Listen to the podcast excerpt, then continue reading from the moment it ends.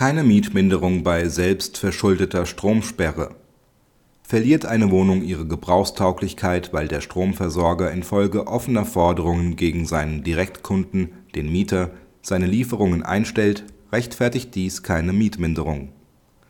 Vor dem BgH war jetzt der Fall zu verhandeln, dass der Stromversorger die Direktlieferung an den Mieter wegen dessen Zahlungsrückständen einstellt.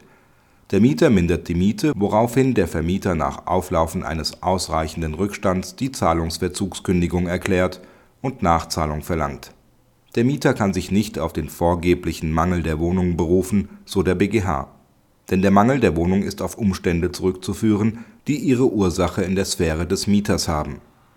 Die zur Sperrung des Stromanschlusses führenden Umstände beruhen ausschließlich auf einem Verhalten des Mieters gegenüber seinem Stromanbieter. Praxishinweis Es ist schon erstaunlich, wie gequält mancher Mieter versucht, eine geminderte Miete zu rechtfertigen. Jedenfalls ist die Entscheidung des BgH nicht zu kritisieren. Vermieter sollten darauf achten, dass weitestgehend Vereinbarungen zwischen Mietern und Dritten wegen der Versorgung der Immobilie getroffen werden. Denn dies minimiert das Ausfallrisiko mit Betriebskostenzahlungen und Mieten erheblich